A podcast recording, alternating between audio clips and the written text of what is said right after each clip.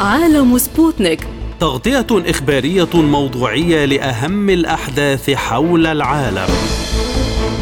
يلقي الضوء على أهم الأخبار السياسية. والاقتصادية. والرياضية. وجولة مع الأخبار الخفيفة من سبوتنيك break في عالم سبوتنيك.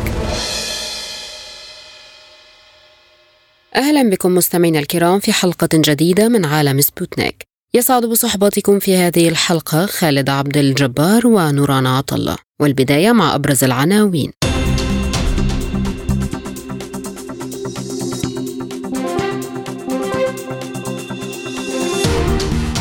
إعلام إسرائيلي يقول حكومة الحرب تدرس تقديم عرض لحماس يتضمن هدنة طويلة نسبيا وحماس تؤكد أن هدف إسرائيل بالقضاء عليها تأكد فشله. خلافات تؤجل من جديد التصويت على مشروع قرار في مجلس الأمن لوقف الحرب وإدخال المساعدات لغزة. ماليزيا تقول حظر السفن الإسرائيلية في موانينا إشارة بعدم الاعتراف بإسرائيل. كيف يؤثر هذا الحظر على إسرائيل؟ الخارجية الروسية تعد بالرد على عقوبات الاتحاد الأوروبي ضد صحفيين روس. اليونيسيف تقول الخطر يهدد ثلاثة ملايين طفل في ولاية الجزيرة بالسودان.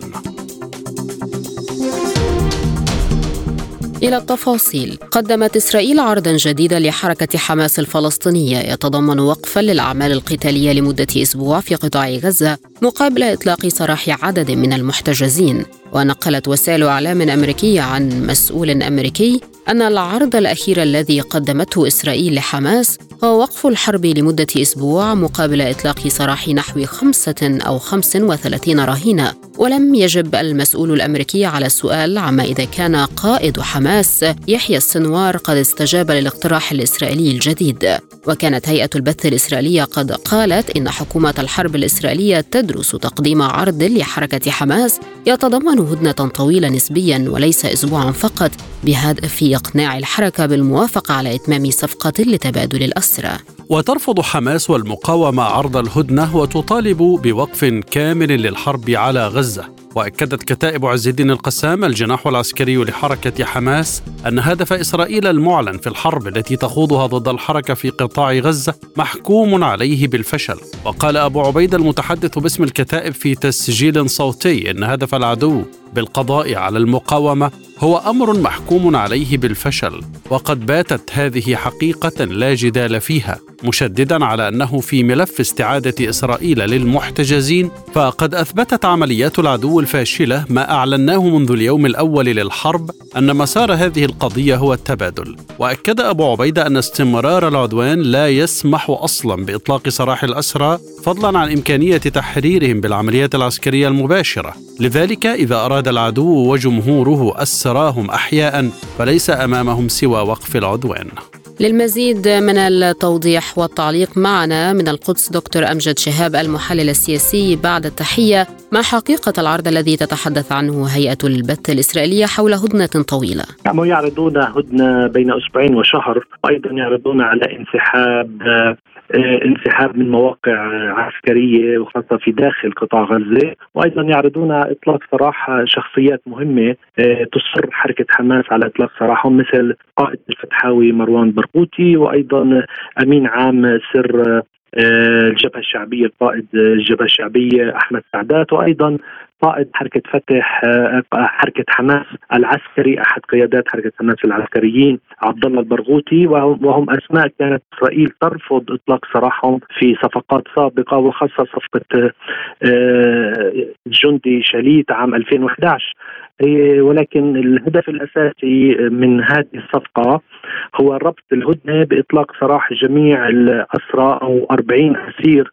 على الأقل من الأسرى الموجودين لدى حركة حماس في قطاع غزة. ولكن حركة حماس تتخوف من أنها ستعيد الكره وتعيد الحرب كما فعلت في الهدنه الأخيرة وتفقد حركة حماس أهم أوراقها في الضغط على الجبهة الداخلية الإسرائيلية وخاصة أنهم يعتقدون أن أن أن ورقة الأسرى قد تؤدي إلى في النهاية إلى وقف هذه الحرب ضد قطاع غزة. فهم يريدون ويصرون على أن أن أن إطلاق إطلاق سراح الأسرى مرتبط بوقف الحرب وليس مرتبط في هدنة كما حدث في السابق.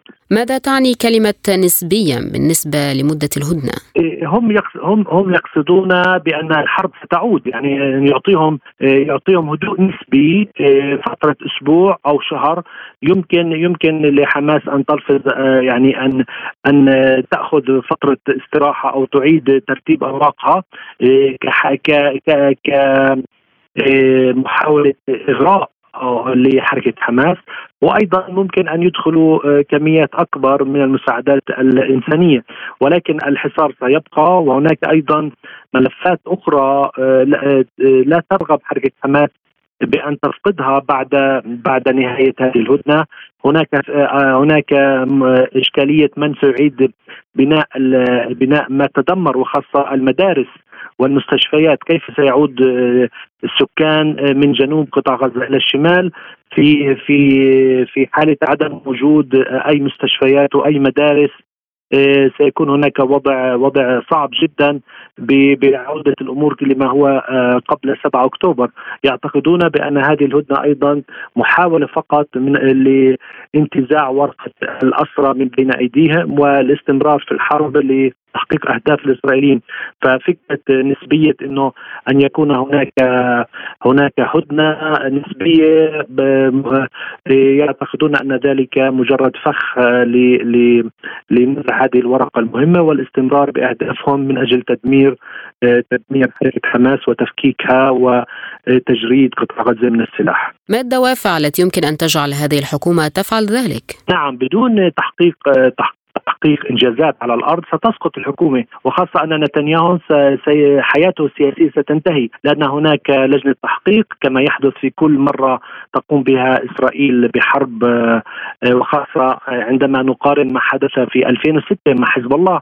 عندما عندما اضطر نتنياهو اولمارت انذاك رئيس وزراء بتقديم استقالته بسبب الإخفاقات التي حدثت في حرب 2006 أيضا هناك أسباب كثيرة آه، ستوصل هذه اللجنة إلى مطالبة باستقالة نتنياهو وخاصة أن كل استطلاعات الرأي هناك نسبة 75% من الإسرائيليين يطالبون باستقالة نتنياهو حتى أثناء الحرب وهذا أيضا يعطي مؤشرات بأن بأن هذه الحكومة بدون تحقيق إنجازات كبيرة في قطاع غزة فإنها ستسقط وأن وأن الصهيونية الدينية أيضا التي تسيطر على هذه الحكومة ستتعرض إلى ضربات ونكسات كبيرة بعد وقف هذه الحرب بدون تحقيق أهداف، لذلك هذه الحكومة تصر على الاستمرار بهذه الحرب رغم آه، الاستنزاف الإعلامي والسياسي والعسكري والاقتصادي لإسرائيل ولكن رغم كل ذلك آه، يعتقدون بانه ممكن تحقيق انتصار في قطاع غزة ممكن أن يعيد لهم الهيبة للجيش وأيضا يعيد لهم صورة صورة إسرائيل لما كان لما كانت عليه قبل 7 أكتوبر. وأيضا يعيد الشعبية لل لرئيس الوزراء أو للأحزاب التي تتشكل منها هذه الحكومة بالرغم من من النكسة التي حدثت في 7 أكتوبر. ففكرة فكرة الوصول إلى قيادات لحماس وأيضا هزيمة المقاومة في قطاع غزة ما زالت تسيطر على تفكيرهم آه، في في الاستمرار بهذه الحرب. هل بالفعل فشل هدف إسرائيل المعلن وهو القضاء على حماس نهائيا؟ نعم هناك ايديولوجيا لا تستطيع آه، إسرائيل هزيمة حماس خاصة أن النتائج العكسية نشهدها في استطلاعات الرأي هناك شعبية واسعة ليس فقط في في بين الشعب الفلسطيني. شعبية حماس زادت بكثير عما كانت عليه قبل 7 أكتوبر وخاصة في قطاع غزة رغم رغم المجازر ورغم حجم التضحيات. وأيضا حركة حماس دخلت في الوجدان العربي إيه، كنموذج إيه، سيؤثر على على تصرفات كثيرة آه، في المستقبل في العالم العربي. آه، بعتقد حركة حماس في تحديها وأيضا في شجاعتها وفي وفي صمودها. آه، حتى الآن هي انتصرت معنويا وانتصرت نفسيا وانتصرت أيضا سياسيا رغم أن المعطيات على الأرض تدل العكس بسبب التفوق الهائل للإمكانيات التكنولوجية والعسكرية والبشرية لإسرائيل رغم كل ذلك لكن حركة حماس أعطت نموذج نموذج صمود وصبر وأيضا تحدي ليس فقط لإسرائيل وأيضا لنموذج نموذج الغطرسه والاحتلال. بعتقد ان أن فكرة القضاء على حركة حماس سياسيا هي فكرة بعيدة المنال وربما سيستطيعون احتلال كل قطاع غزة ولكن مقاومة حركة حماس موجودة ليس فقط في قطاع غزة موجودة بالضفة الغربية موجودة في القدس موجودة في لبنان في مناطق أخرى أيضا. ممكن ان ان ان يكون الأمور آه، ليست بالسهولة التي يعتقد آه، الإسرائيليين أنهم ممكن أن أن ينهوا وجودها آه، سياسيا أو عسكريا. وبعتقد أن أن كثير من القيادات السياسية وضحت ذلك. هناك أصوات بدأت ترتفع رغم أنها قليلة بدأت ترتفع بمطالبة بإنهاء بإنهاء هذه الحرب التي ستنعكس سلبا على مستقبل إسرائيل بسبب بسبب ال ال الانتهاكات والجرائم التي ترتكبها في قطاع غزة وخاصه وخاصة العقاب الجماعي وأيضا سياسة التجويع والانتقام وقتل الأطفال والتدمير واستخدام القوة المفرطة آه، في هذا في هذا الاتجاه. هذا أيضا يؤثر على ما كانت تحاول الدول الغربية تسويق إسرائيل على أنها دولة ديمقراطية متحضرة وأن لديها جيش أخلاقي. فهذه الصورة أيضا سقطت في أذهان الجميع وبعتقد أنها ستنعكس ليس فقط على إسرائيل ستنعكس أيضا على أمريكا التي التي تساند دولة آه، ترتكب جرائم حرب وهذا أيضا يتناقض كليا مع مع ما تقوم به في مساندة أوكرانيا تحت ذريعة أن أوكرانيا تتعرض لاحتلال. وهذا أيضا يخلق أزمة معايير وأزمة مفاهيم وأيضا نفاق وأزمة أخلاقية في الطريقة التي يتم آه، خلالها إدارة هذا الملف سواء على المستوى الإسرائيلي أو على المستوى الغربي وعلى رأسها الولايات المتحدة.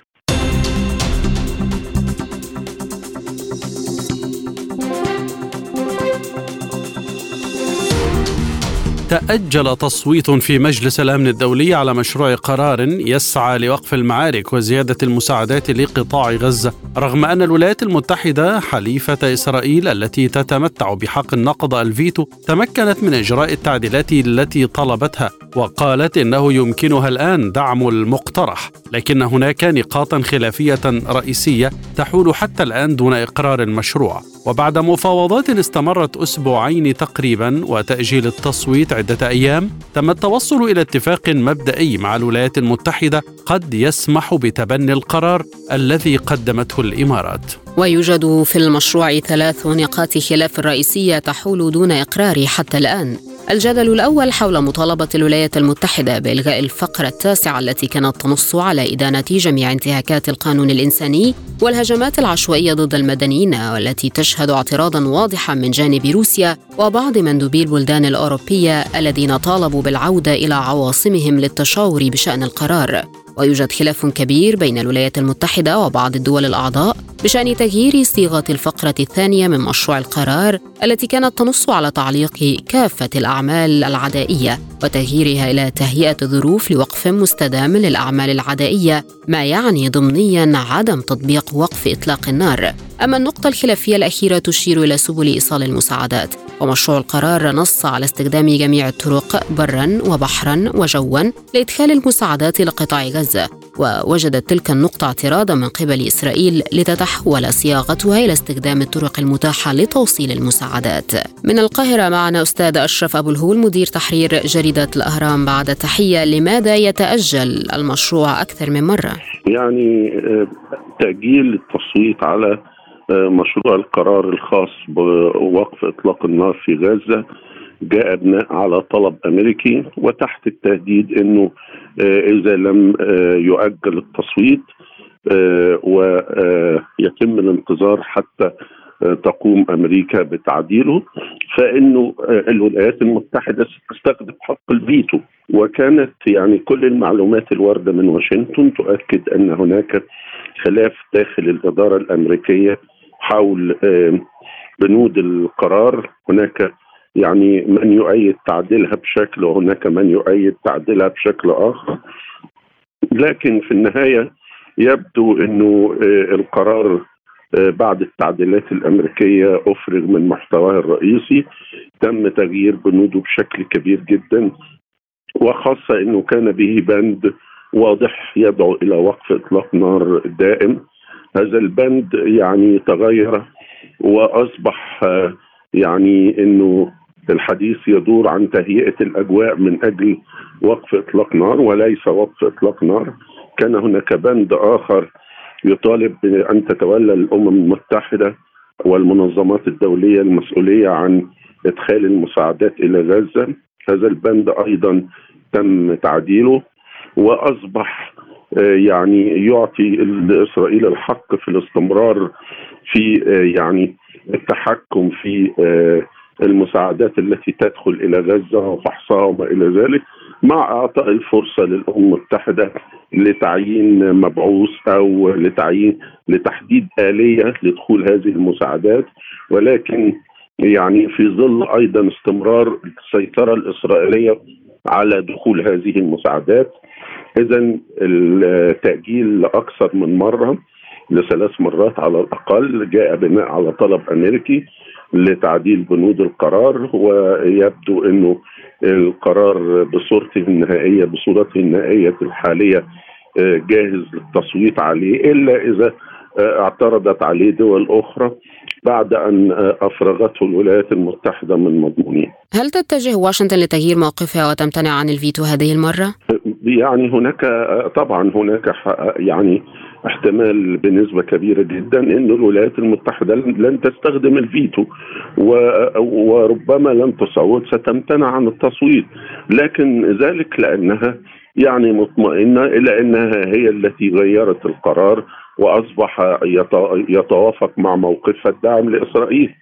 الآن يعني القرار بصورته الحالية لا يمثل ضغط على إسرائيل ولا يمثل دعوة لوقف إطلاق نار فوري ودائم وبالتالي هذا قد يرضي الأمريكي قد يصوت بنعم وقد لا يصوت على الإطلاق ولكنه في كل الأحوال لن يستخدم حق الفيتو ماذا تغير في هذا المشروع وماذا تغير بالنسبة للولايات المتحدة؟ يعني الولايات المتحدة كانت دائما تنص في المشروعات السابقة على أن يتم تضمين بند خاص بإدانة حماس على أنها هي التي بدأت يعني هذه الأزمة لكن الأطراف الأخرى كانت ترفض هذه المرة أيضا الأمريكي كان يطالب بتضمين نفس البند لكن هو اكتفى في بمسألة إنه غير الفحوى الرئيسي للقرار ولمشروع القرار والذي كان يدعو الوقف فوري ودائم لإطلاق النار ويعني إبعاد إسرائيل عن السيطرة على إدخال المساعدات لغزة. بشكل عام يعني هو ربما يعني لأول مرة قرار يعني تسانده الولايات المتحدة يعني يتحدث عن إمكانية وقف إطلاق النار ولكن ليس الوقف الفوري والدائم هل هناك تلاعب باللغة من جانب الولايات المتحدة لعدم وقف الحرب باستخدام صياغة تقول وقف الأعمال العدائية وهو ما يقدم تأويل وتفسيرات لكل طرف؟ بالتأكيد يعني الولايات المتحدة تستخدم كل ما تستطيع من حيل ومن سلطة ومن هيمنة على المنظمات الدولية من أجل حماية إسرائيل وهي تعطي لإسرائيل الحق في مواصلة العمليات العسكرية إلى حين يعني تحقيق ما ترى أنه أهدافها. كان كانت هناك تصريحات منذ أسبوعين تقريبا للرئيس الأمريكي ينتقد فيها إسرائيل واستمرار الحرب واستمرار قتل المدنيين. تحدث العالم عن إنه أمريكا فاض بها وإنه أصبحنا على وشك وقف إطلاق النار لكن جاء إلى المنطقة كل من وزير الخارجية الأمريكي بلينكن وبعده مستشار الأمن القومي جيك سوليفان وبعده وزير الدفاع الأمريكي لويد أوستن والثلاثة أكدوا على إنه من حق إسرائيل أن تواصل الحرب وإنه آه، أمريكا لن تضع قيود على الفترة الزمنية التي تحتاجها لإسرائيل لكن هم نصحوا آه، إسرائيل يعني تجنب استهداف المدنيين آه، يعني بقدر الإمكان وبالانتهاء من من المرحلة الحالية مرحلة الحرب الشاملة والتدمير الشامل إلى يعني مرحلة أخرى يكون فيها التدخل موضعي لاستهداف قادة حماس والمقاومين بشكل عام.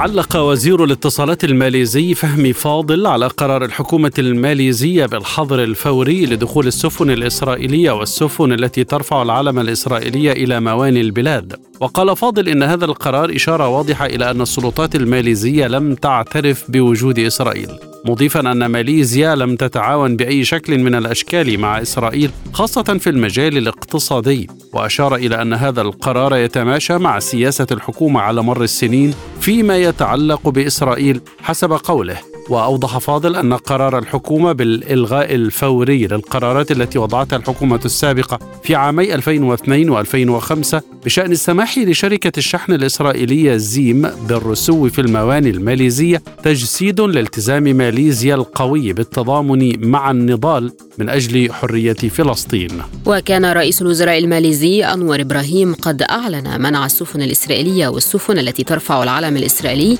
من الرسو في الموانئ الماليزية بشكل فوري. وأضاف أن هذه القيود هي رد علني على تصرفات إسرائيل التي تتجاهل المبادئ الإنسانية الأساسية وتنتهك القانون الدولي بالمجازر الوحشية المستمرة ضد الفلسطينيين. من كوالالمبور ينضم إلينا مسلم عمران رئيس مركز آسيا والشرق الأوسط. أستاذ مسلم هل يعتبر القرار الماليزي بمثابة عقوبات ضد إسرائيل يمكن أن تفكر فيها دول أخرى؟ تحياتي لكم. أظن أن الموقف الماليزي هو فاتحة أو مقدمة للعديد من المواقف الدولية التي يمكن أن تنشأ خلال الأيام القادمة للضغط على الكيان الصهيوني لوقف ممارساته في قطاع غزة خصوصا الإبادة الجماعية التي يرتكبها بحق المدنيين. الموقف الماليزي طبعا يأتي في إطار تصاعد الإجراءات الحكومية والشعبية الماليزية للتنديد بالعدوان الصهيوني على قطاع غزة منذ بدء هذا العدوان والمواقف الرسمية والشعبية تتتالى منها تصريحات رئيس الوزراء المبكرة بالتنديد بالعدوان الصهيوني والتأكيد على دعمهم لحق الشعب الفلسطيني المشروع في المقاومة وأيضا الإجراءات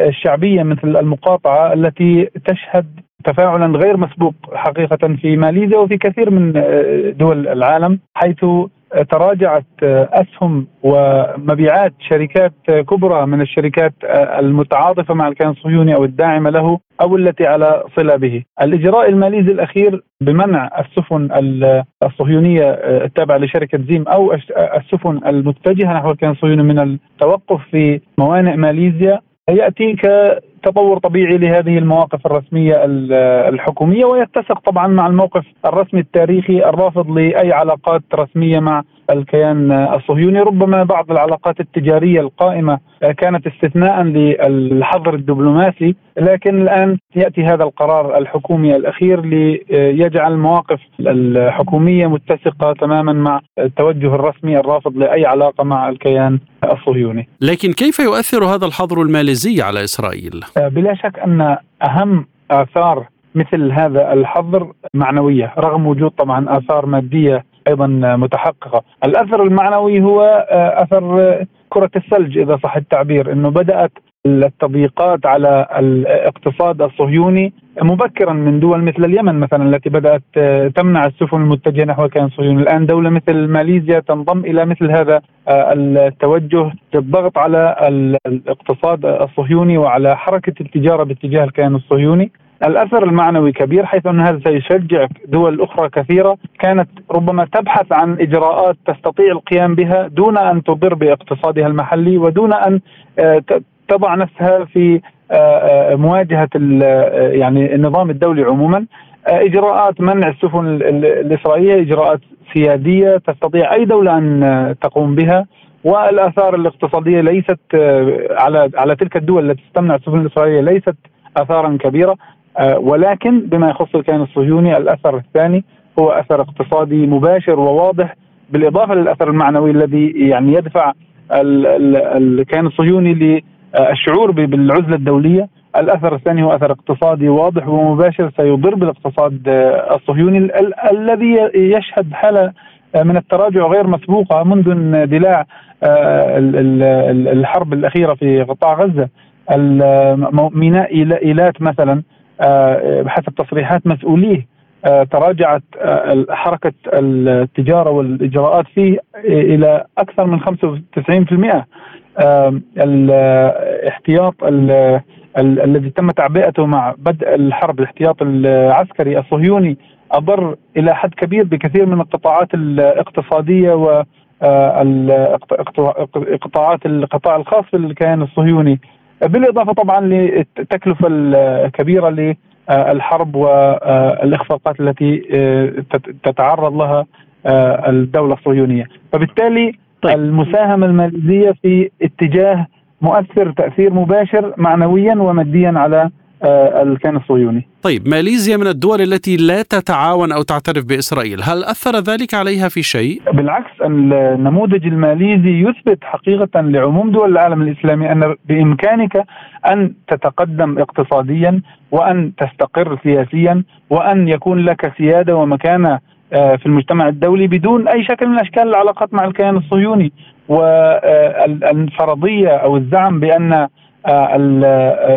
التكنولوجيا الصهيونية أساسية وضرورة من أجل تقدم الاقتصادات المختلفة في العالم الإسلامي. هذا الزعم وهذه الخرافة التي يتم الترويج لها خصوصا في بعض الدول الإفريقية والآسيوية تدحضها التجربة الماليزية الواضحة التي نما فيها اقتصادها نموا كبيرا. وصعدت في مصاف الدول المتقدمة أصبح اقتصادها واحد من يعني من أول 30 اقتصادا في العالم ومن أول ثلاث اقتصادات في جنوب شرق آسيا دون الحاجة اطلاقا للكيان الصهيوني أو أي يعني تقنيات أو خبرات منه.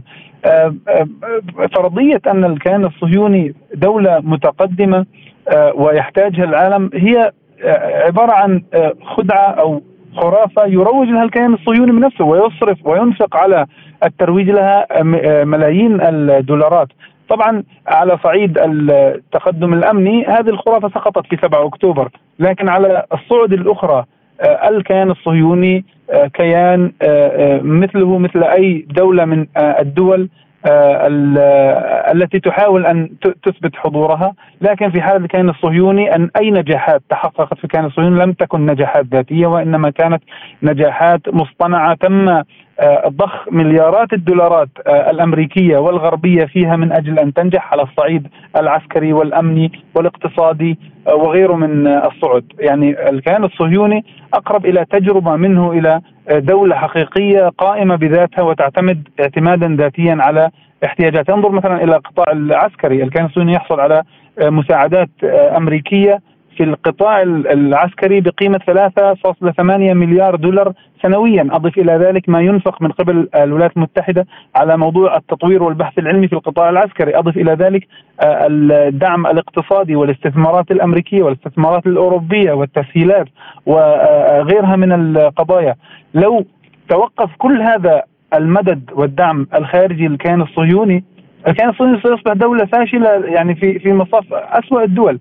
إحنا لا ننفي طبعا أن أن هناك قدرات وخبرات قام بها الصهاينة الأوائل لإنشاء هذا الكيان إلا أن الدعم الخارجي هو حبل الوريد لهذا الكيان ولو توقف هذا الدعم عبر ضغوط وعبر جهود اولا عربية ثانيا إسلامية ثالثا دولية ف كل المشروع الصهيوني سيكون في مهب الريح وستصبح تجربة يعني فاشلة بحاجة لإنقاذ. هل يؤثر ذلك على الموقف العربي حيث إن ماليزيا كدولة مسلمة بدأت تأخذ قرارات عملية؟ أنا أظن أن هذا بلا شك سيحرج الدول العربية القادرة على وقف العدوان لربما تلكؤها في اتخاذ إجراءات عملية، على صعيد الموقف السياسي الموقف العربي عموما موقف جيد متفق يرفض استمرار العدوان ويرفض الإبادة الجماعية وتهجير الفلسطينيين، لكن على صعيد الإجراءات العملية الملموسة بإمكان الدول العربية وقف العدوان في مباشرة إذا اتخذوا مجموعة من الإجراءات الصلبة التي تم نقاشها في القمة العربية الأخيرة لكن للأسف لم يتم اعتمادها إما كحزمة واحدة أو كإجراءات متفرقة. عدد من الدول أثار في محافل مختلفة أنه يجب أن نقوم بهذه الإجراءات على الصعيد الاقتصادي على الصعيد حتى العسكري لكن آه، الدول آه، مترددة أن تأخذ إجراءاتها منفردة، الآن ما تقوم به ماليزيا آه، يثبت أن بإمكان الدول العربية أن تتخذ عدد من الإجراءات العقابية للكيان الصهيوني التي يمكن أن تؤثر مباشرة في وقف الحرب.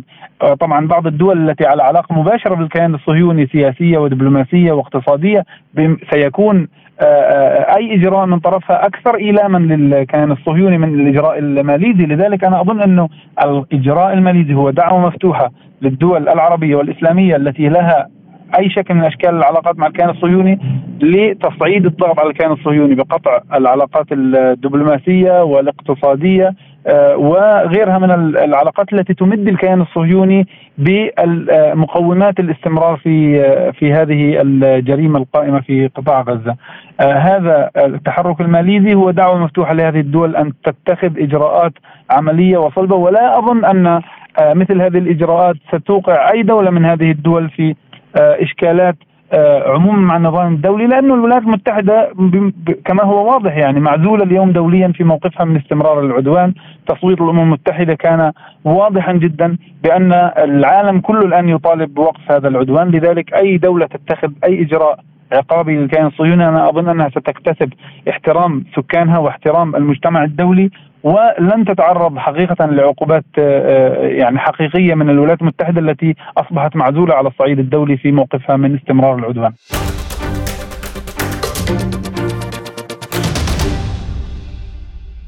الآن مستمعينا إليكم فاصل قصير ونذهب بعده إلى استكمال باقي جولات عالم سبوتنيك. عالم سبوتنيك يغطي جميع الأحداث السياسية والاقتصادية والرياضية حول العالم.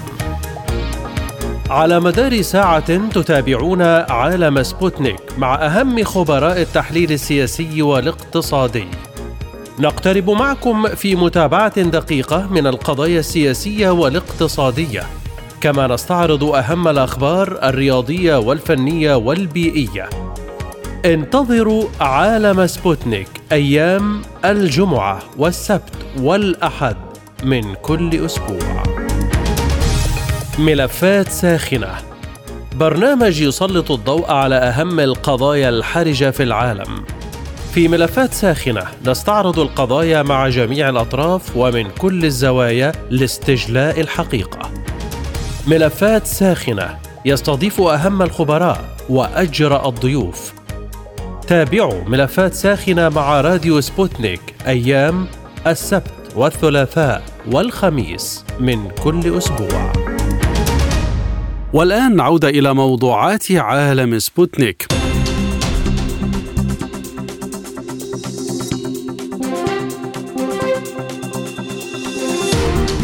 أعلنت المتحدثة باسم وزارة الخارجية الروسية ماريا زخاروفا أن روسيا سترد بشكل متناسب على إدراج بروكسل وسائل إعلام وصحفيين روسا في حزمة العقوبات الأخيرة. وقالت زخاروفا تعليقا على قرار الاتحاد الأوروبي في إطار الحزمة الثانية عشرة من العقوبات بفرض قيود على قناتي تسار جراد وسباس التلفزيونيتين بالإضافة لرئيسة مديرية البرامج الإذاعية التحليلية في المجموعة الإعلامية زفيزدا أنا شافران قالت سيتبع ذلك حتما بإجراءات رد كافية ومتناسبة على العقوبات المذكورة. وأضافت زخاروفا أن الاتحاد الأوروبي من خلال تصرفاته التي تتعارض مع جميع الالتزامات الدولية والإعلانات السياسية ذات الصلة أثبت مرة أخرى سخافة ادعاءاته بالريادة في مسائل حماية حرية الأعلام وتعددية الآراء وكذلك في مجال حقوق الإنسان بشكل عام.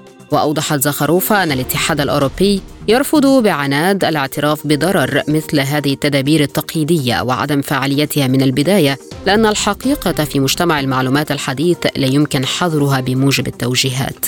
من دمشق ينضم إلينا دكتور أسامة سماق الباحث في الشأن الروسي، دكتور أسامة هل أصبحت حرية الصحافة مجرد شعارات اذا لا تنفيذ لها في الواقع؟ والله آه، أخي الكريم أنا كنت آه، بصدد أحكي نفس الكلمات اللي تفضلت بها إنه آه، الاتحاد الأوروبي وأمريكا عموما آه، ينادون ليل نهار بالديمقراطية وحرية الكلمة وحقوق الإنسان وهم أول من يغتال حرية الكلمة.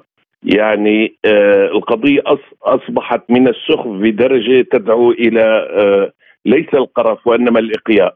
شيء مقرف يعني حتى حتى قضية الصحافة وحريه الصحافة وقمع هذه الحرية أصبحت تستعمل كسلاح في آه، المجابهة بين بين أوروبا أو الغرب.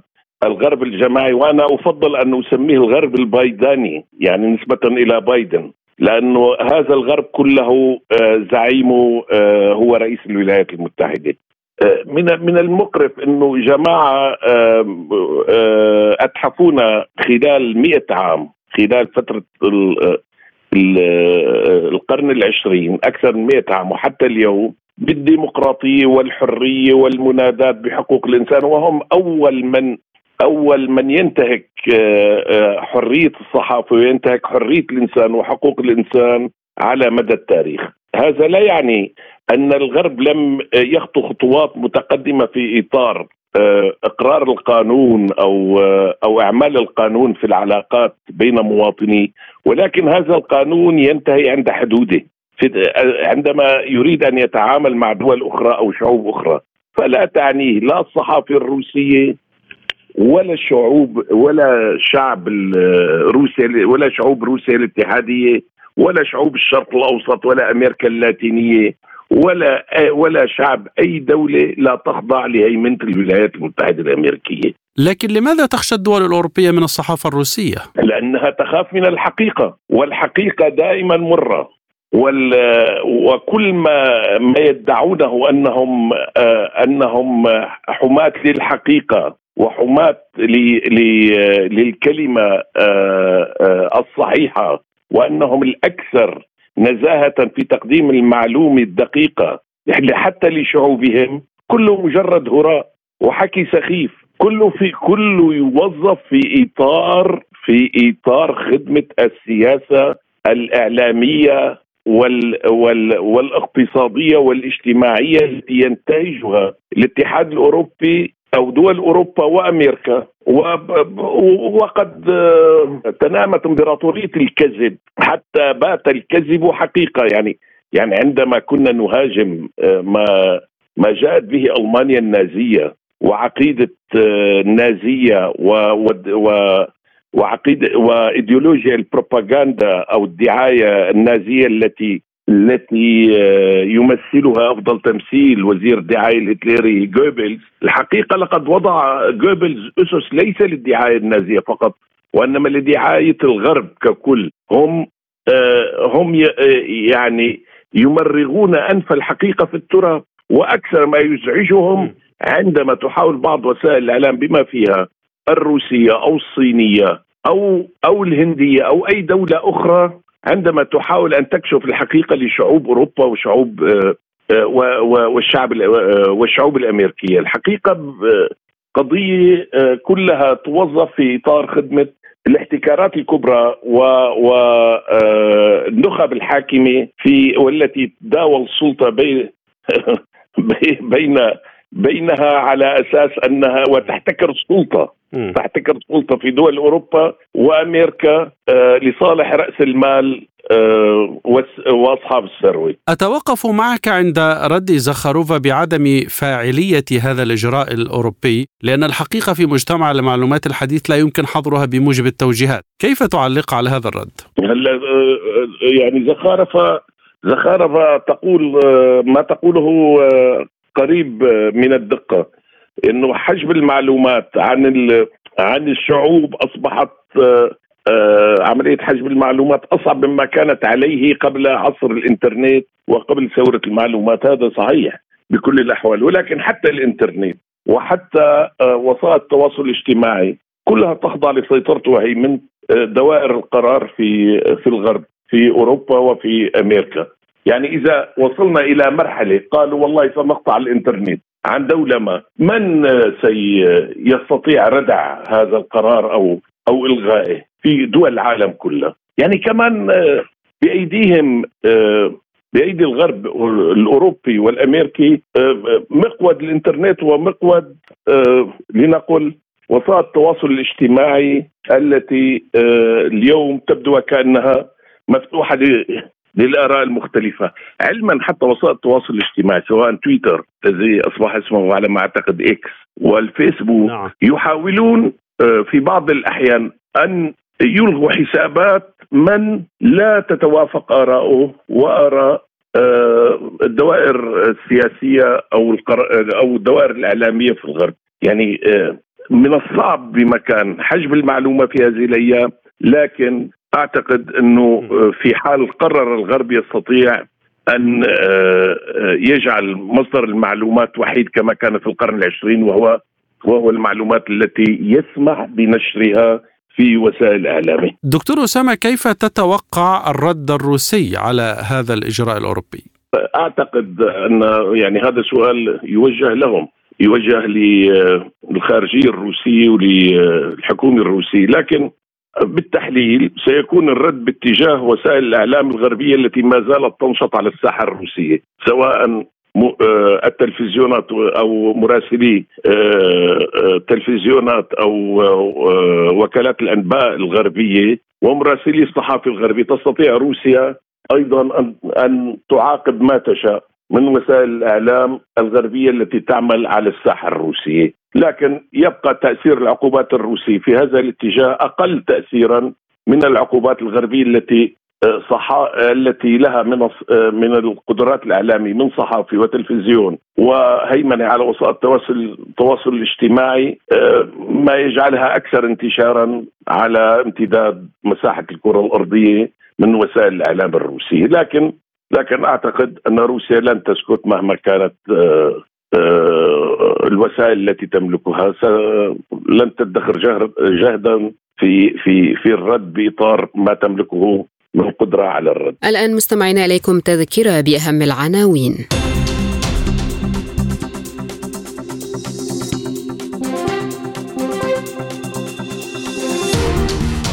إعلام إسرائيلي يقول حكومة الحرب تدرس تقديم عرض لحماس يتضمن هدنة طويلة نسبيا وحماس تؤكد أن هدف إسرائيل بالقضاء عليها تأكد فشله. خلافات تؤجل من جديد التصويت على مشروع قرار في مجلس الأمن لوقف الحرب وإدخال المساعدات لغزة. ماليزيا تقول حظر السفن الإسرائيلية في موانينا إشارة بعدم الاعتراف بإسرائيل. كيف يؤثر هذا الحظر على إسرائيل؟ الخارجية الروسية تعد بالرد على عقوبات الاتحاد الأوروبي ضد صحفيين روس. اليونيسيف تقول الخطر يهدد ثلاثة ملايين طفل في ولاية الجزيرة بالسودان. والآن نعود إلى موضوعات عالم سبوتنيك.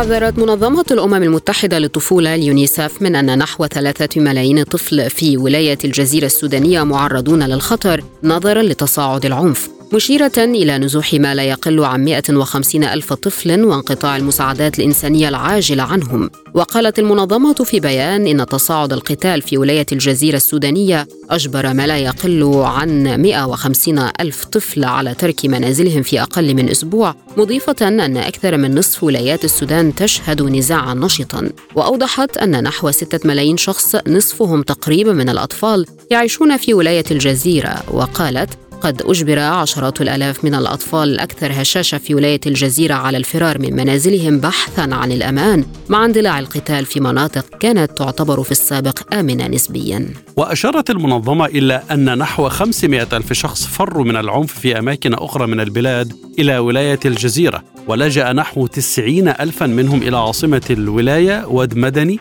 منذ تفجرت الحرب في السودان في الخامس عشر من أبريل الماضي.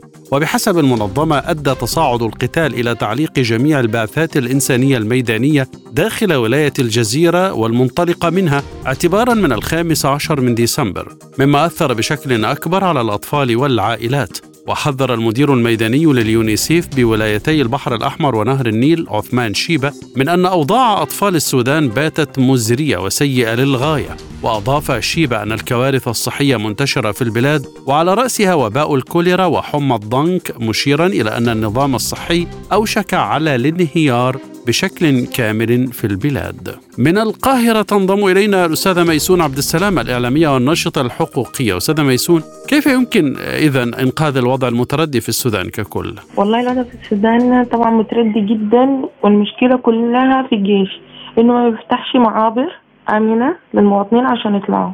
ولا توفر مواد غذائية ولا توفر حماية ولا توفر أي حاجة تخص الإنسانية فما ينزل الوضع إنه يكون في ممرات آمنة إن الناس تخرج. يعني حتى إنه هو في منطقة بتاعت نزاع إنه هم مضطرين إنه يكون في حرب بين الجيش وبين الجنجويد فيفتحوا ممرات آمنة للمواطنين. الحالة الصحية انتقلت لمناطق كتير ومنها برسودان كوليرا. يعني بقت في مشاكل صحية. فالممرات الآمنة هي أسلم طريقة عشان ينقذ الوضع. لأنه المشكلة في إنه الاتفاق بقى ما فيش اتفاق ولا مشى كل المحاور لأن هي تؤدي للاتفاق ما فيش اتفاقات في السودان.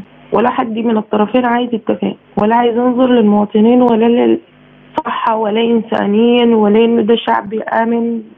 لا. ف ما فيش حلول غير مرات آمنة. من الذي يرفض فتح ممرات آمنة في هذا التوقيت؟ والله نحن طبعا متفرجين. وهم الاثنين مش عايزين يفتحوا ممرات آمنة. والاثنين بعينه للسلطة والاثنين بعينه سلطة وللموارد بتاعة السودان. فدي هنا المشكلة. انه هو؟ الجنجويد عايزين يفتحوا ممرات آمنة والجيش عايز يفتح ممرات آمنة. الجيش يعني دي مسؤولية الجيش أولا وآخرا يا سعادتي الجيش المفروض هو يأمن المواطن صح؟ فالمفروض إنه هو الجيش هو اللي يأمن المواطنين. لكن الرفض من الجانبين. ما فيش ممرات آمنة حتى داخل السودان.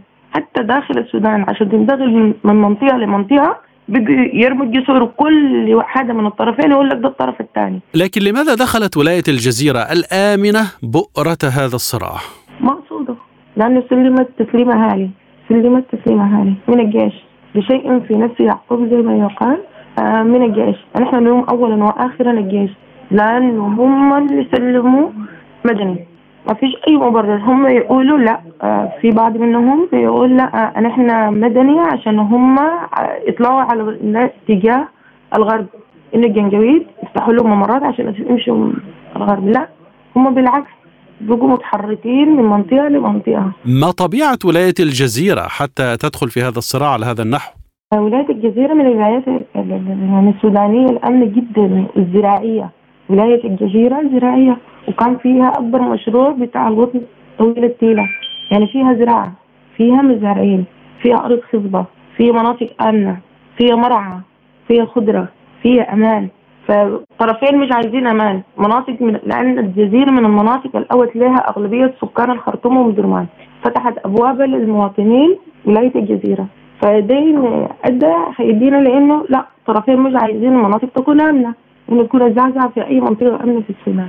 لكن إلى أين يلجأ الفارون من القتال في ولاية الجزيرة التي كانت هي ملجأ الناس؟ للأسف للأسف كان جزء منهم. حاول يتجه إلى منطقة سنجا منطقة سنار عشان يشوف لنفسه مخرج تاني منطقة تانية يقدر يتعايش فيها في جزء عايز يمشي على بر السودان في جزء لا عايز يروح على عبر على الولاية الشمالية. أول امبارح ولاية نهر النيل أعلنت الطوارئ.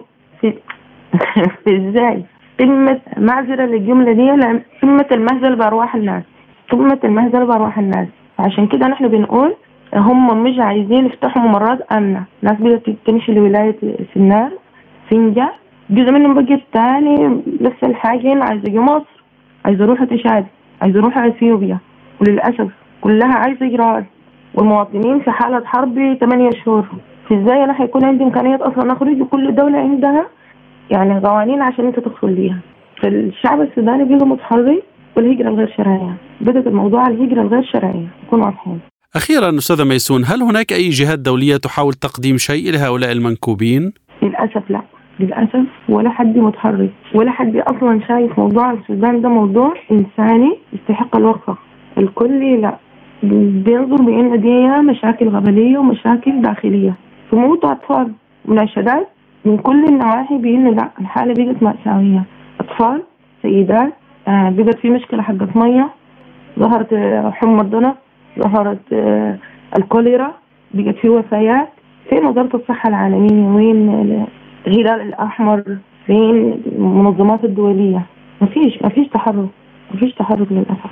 كل التحرك كان بيقول إنه لا نحن عايزين نعمل مفاوضات. مفاوضات إيه؟ هم الاثنين مش عايزين يتفاوضوا. يتفاوضوا على إيه؟ حاجة المؤسفه ما فيش تفاوض تفاوض على إيه لا نحن عايزين ما عايزين هنا بأي شكل تدخل دولي عشان إنه هو يوقف الحرب.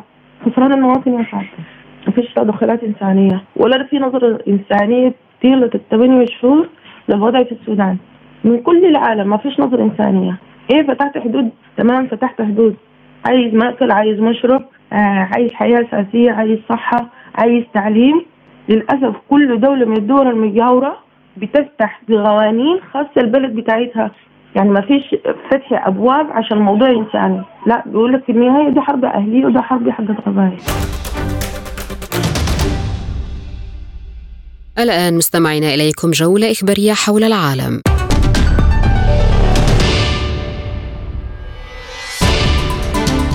أعلنت وزارة الدفاع الروسية تدمير تجمعات للمدرعات الأوكرانية على محور كوبيانسك بضربات نفذت براجمات أوراغان. وقالت الوزارة في بيان دمرت راجمات أوراغان التابعة لقوات مجموعة الغرب الروسية تجمعات لمدرعات تتبع للقوات المسلحة الأوكرانية والتي كشفها الاستطلاع على محور كوبيانسك. وأشار البيان إلى التنسيق بين قوات المدفعية ومساندة الطائرات المسيرة التي سجل مشغلوها إصابات محققة بمعدات العدو. وأوضح قائد العملية الملقب بكاما أن نقاط الانتشار المؤقتة هي الهدف الرئيسي حيث يتم دعم وحدات المشاة وقد ضربوا مركبات المشاة القتالية والدبابات. ومن المعدات الأجنبية التي عطبت مدافع كراب البولندية ذاتية الدفع ومدافع إم 777 أمريكية الصنع. وفي نبأ آخر أعلنت وزارة الدفاع الروسية عن استهداف مركز القيادة والقوى العاملة للقوات المسلحة الأوكرانية بالقنابل الموجهة على محور كراسني ليمان. وقالت الوزارة في بيان استهدفت طواقم قاذفات الخطوط الأمامية متعددة المهام سو 34 التابعة للقوات الجو فضائية الروسية مركز قيادة أوكرانيا وهو تجمع للقوى العاملة ومعدات العدو على محور كراسني ليمان في منطقة العملية العسكرية. وأضافت أن الطيارين الروس نفذوا القصف بقنابل جوية شديدة الانفجار باستخدام وحدة التخطيط والتصحيح الشاملة التي تتيح توجيه ضربات دقيقة موجهة دون دخول منطقة الدفاع الجوي للعدو. وتواصل القوات المسلحة الروسية تنفيذ عملياتها العسكرية الخاصة بهدف نزع سلاح أوكرانيا لدرء التهديدات الصادرة عن الأراضي الأوكرانية لأمن روسيا.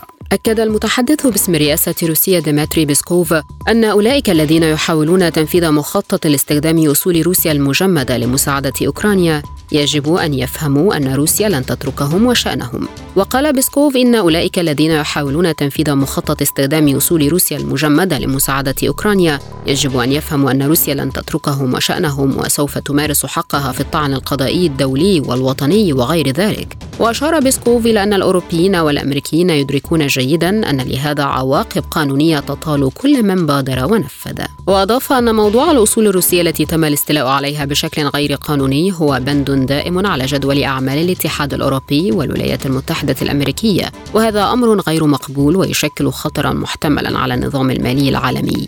وفي وقت سابق أقرت لجنة الشؤون الخارجية في مجلس النواب الأمريكي مشروع قانون يمنح الرئيس الأمريكي الحق في مصادرة الأصول الروسية السيادية. ووفقا لنص وثيقة المشروع يمنح وزير الخارجية الأمريكي صلاحيات تقديم مساعدة إضافية لأوكرانيا باستخدام الأصول المصادرة من البنك المركزي الروسي أو أي أصول أخرى أجنبية تابعة لروسيا بحسب نص الوثيقة. طلب جيش الاحتلال الإسرائيلي من سكان مناطق بالبوريج والنصيرات إخلاء منازلهم. وألقى منشورات تدعوهم إلى الابتعاد من أجل تنفيذ عمليات عسكرية. ونشر جيش الاحتلال خرائط ووضع علامات محددة باللون الأحمر على مربعات سكنية قرر استهدافها. وكان أكثر من عشرة آلاف نازح قد أخلوا منازلهم في شمال غزة والآن يواجهون خطر الاستهداف بسبب وجودهم في مخيمات بالمناطق التي وضعها الاحتلال ضمن نطاق عملياته العسكرية الجديدة. وتمثل الاختارات الجديدة وفق وسائل الإعلام كارثة تدفع سكان بعض المربعات السكنية إلى الإخلاء بشكل كامل. وواصل جيش الاحتلال الإسرائيلي قصفه مناطق متفرقة بغزة لليوم السابع والسبعين من حربه على القطاع. وقال المتحدث باسم وزارة الصحة في غزة أشرف القدره إن 390 مواطنا استشهدوا وأصيب نحو 734 جراء الغارات الإسرائيلية خلال 48 ساعة. وأشار القدرة إلى ارتفاع حصيلة العدوان الإسرائيلي إلى 20057 شهيدا و53320 مصابا منذ السابع من أكتوبر تشرين الأول الماضي. أفادت وكالة الأنباء الفلسطينية وفا بأن الغارات والقصف الإسرائيلي على عدة مناطق في قطاع غزة أودت بحياة وأصابت عشرات الفلسطينيين معظمهم من الأطفال والنساء. وأوضحت الوكالة أن طائرات استطلاع إسرائيلية قتلت شابا يقود دراجة هوائية بعد قصفه في خان يونس جنوب القطاع مشيرة إلى مصرع وإصابة آخرين جراء القصف المدفعي المكثف الذي استهدف جبالية شمال القطاع. وأشارت إلى أن طيران الجيش الإسرائيلي شن عدة غارات على بلوك واحد واثنين في مخيم جبالية شمال قطاع غزة في حين قصفت مدفعيات الاحتلال المناطق الشرقية من مخيم البريج وسط القطاع. أعلنت سرايا القدس الجناح العسكري لحركة الجهاد الإسلامي قصف مقر قيادة ميداني للقوات الإسرائيلية في منطقة الزنة شرق خان يونس برشقة صاروخية. وقال الجيش الإسرائيلي أن المعارك في قطاع غزة أودت بحياة اثنين من عناصره. وكان الجيش الإسرائيلي قد أعلن أن أربعين من جنوده أصيبوا في معارك غزة خلال 24 ساعة بينهم ثمانية في حالة خطيرة. وحدث الجيش الإسرائيلي عدد جنوده المصابين منذ بداية الحرب ليصل إلى 1929 جنديا. في الوقت نفسه وجه محتجزان لدى سرايا القدس الجناح العسكري لحركة الجهاد الإسلامي نداء في رسالة مصورة طالب فيه حكومة إسرائيل بإنجاز صفقة تبادل أسرى مع الفصائل الفلسطينية. قامت وحدات خاصة من الجيش الاحتلال الإسرائيلي باعتقال شاب فلسطيني من حي كفار سابا بمدينة قليقلية شمال الضفة الغربية. ودفع جيش الاحتلال بتعزيزات عسكرية وسط اندلاع اشتباكات مسلحة عنيفة واستهداف بالعبوات الناسفة خلال عملية الاقتحام التي طالت مداهمة عدد من المنازل قبل أن ينسحب من المدينة. فيما أصيب شاب فلسطيني بجروح خطيرة عقب إطلاق جيش الاحتلال النار على مركبته خلال اقتحام مدينة توباس. وسط اندلاع اشتباكات مسلحة عنيفة. وفي وقت سابق اندلعت مواجهات بين شبان فلسطينيين وقوات جيش الاحتلال الإسرائيلي بمدينة حلحول شمال الخليل في الضفة الغربية. في الوقت نفسه قالت وسائل إعلام إسرائيلية إنه وقعت عملية دهس في الضفة الغربية ألحقت إصابة طفيفة بمجندة إسرائيلية. وقالت المصادر إن الحادث وقع في بلدة برطعة وألحق إصابة بمجندة إسرائيلية في الساقين. وتم إطلاق الرصاص على أحد منفذي الهجوم بينما ألقي القبض على آخر بعدما تمكن من الفرار من البداية. الآن مستمعين إليكم آه، في الختام تذكرة بأهم ما جاء في عالم سبوتنيك هذا اليوم.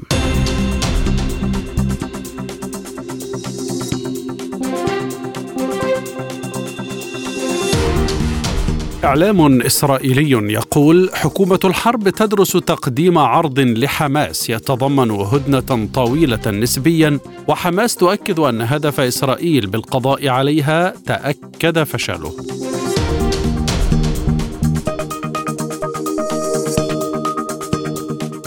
خلافات تؤجل من جديد التصويت على مشروع قرار في مجلس الأمن لوقف الحرب وإدخال المساعدات لغزة. ماليزيا تقول حظر السفن الإسرائيلية في موانينا إشارة بعدم الاعتراف بإسرائيل كيف يؤثر هذا الحظر على إسرائيل؟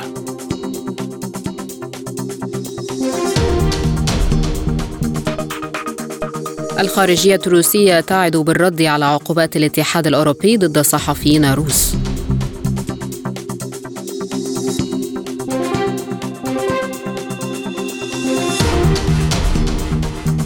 اليونيسيف تقول الخطر يهدد ثلاثة ملايين طفل في ولاية الجزيرة بالسودان.